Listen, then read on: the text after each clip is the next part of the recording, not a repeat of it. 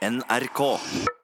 Om lag 10% av oss har en eller annen form for spiseforstyrrelse. Og vi snakker oftest om anoreksi, bulimi og overspising, men det blir stadig flere av de sykelig sunne.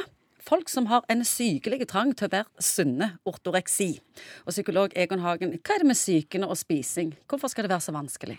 Ja, Det kan du si, for at, uh, dette er jo et vanvittig komplisert uh, fenomen som handler både om identitet og skjønnhetsidealer og en måte å ta kontroll på livet på. Og klart at disse anoreksi- og bulimitingene som du snakket om innledningsvis, veldig mye av den psykologien rundt dette handler jo for en del i hvert fall om dette med kontroll.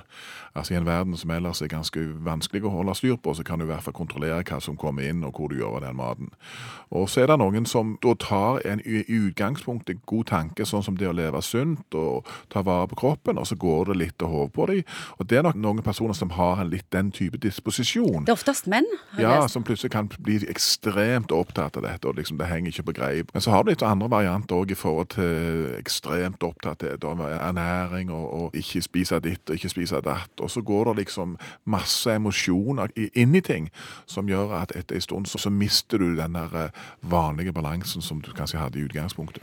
Og med all den teknologien som har kommet med der de måler alt i hele kroppen og hvert slag og hver søvntime, hva gjør det med den saken, tror du? Vi må på en eller annen måte finne en måte å leve med disse teknologiske mulighetene. Uten å få oppheng. uten å få oppheng i det. Klart at Allerede så er det sånn at du kan få en oversikt over blodtrykket ditt, om hvor mye du spiser, hvor mye du beveger deg og alt dette. Og klart at Hvis du da er litt sånn disponert som personlighetsmessig til å loope på ting, til å bli hengende opp i ting, til å få litt sånn tvang på ting, så klart at disse tingene kan gå til hodet på deg, og istedenfor å bli et fornuftig hjelpemiddel, så blir det et eller annet. Du maler deg inn i et hjørne.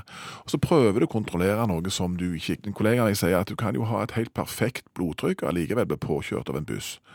Så du prøver på en måte å kontrollere livet, og det er grunnleggende ganske vanskelig.